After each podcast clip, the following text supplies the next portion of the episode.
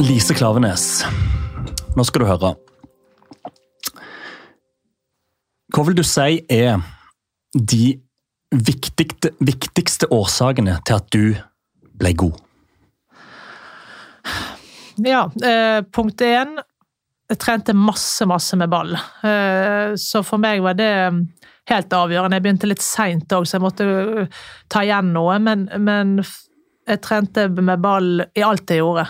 Eh, så blir treneren sikkert litt sur hvis jeg sier dette, men jeg hadde jo ball med meg på alle øvelser. Og jeg var helt kompromissløs eh, med det. Det var ingen kondisjonsøvelser uten ball. Men jeg løp masse kondisjonsøvelser med, med ball.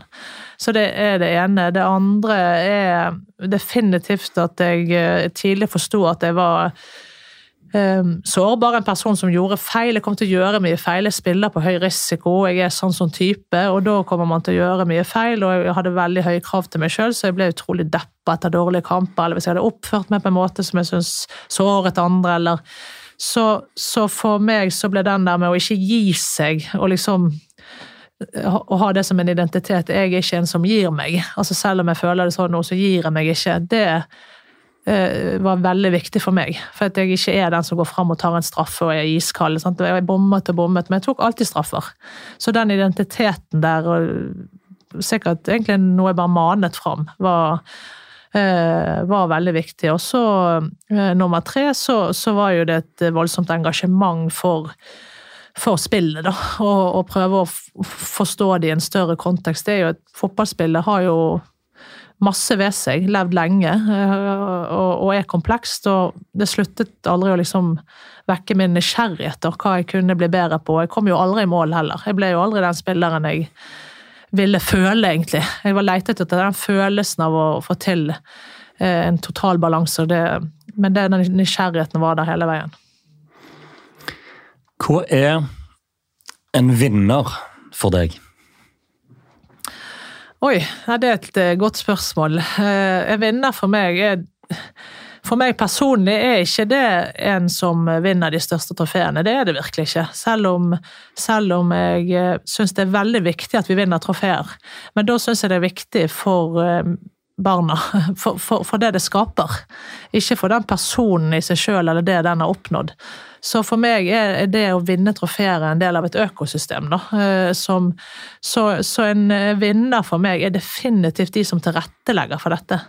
Eh, det høres banalt ut og kanskje litt eh, når det er så konkurranseinnstilt som jeg har vært, men de, de frivillige, eller den faren, eller de, den uh, utstyrspersonen som, som uh, har gjort det uten å være martyr, da, uten å på en måte, men bare spredd glede og positivitet inn i et sånt maskineri, og bare på en måte tilrettelagt for den type suksess. Du har jo noen sånne ildsjeler som har vært der, fått folk til å blomstre, ikke bare én, men mange det er de ekte vinnerne. Oi. Er det en filosofi du bruker mye i hverdagen i jobben din nå? Og en tanke?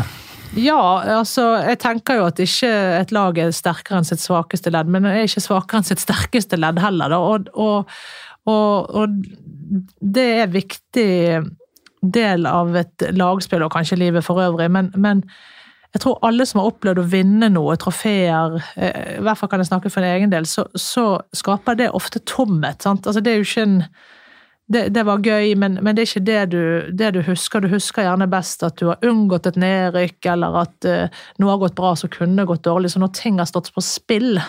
Så det, det, er liksom, det i det spennet man føler at man er en vinner, i hvert fall. da.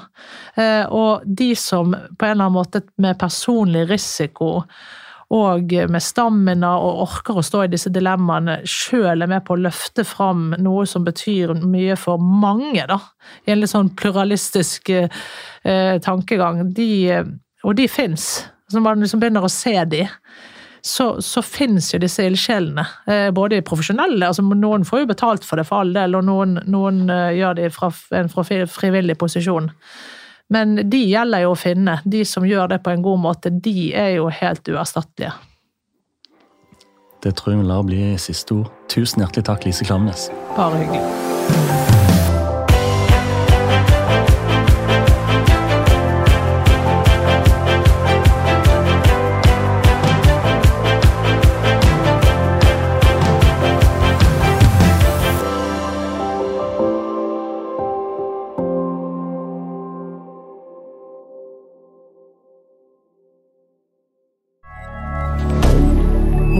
Media.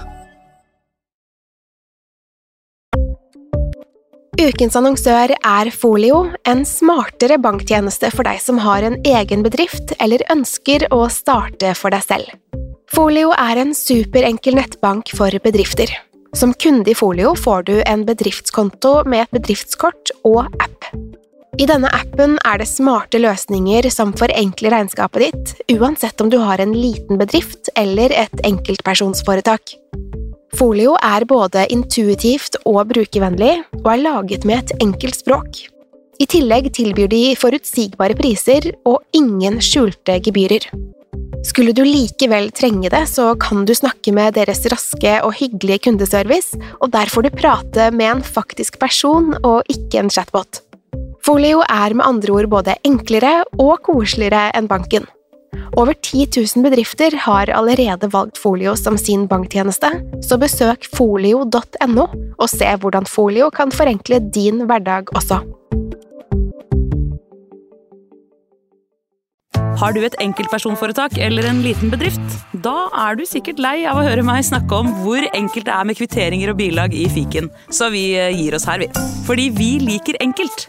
Fiken superenkelt regnskap.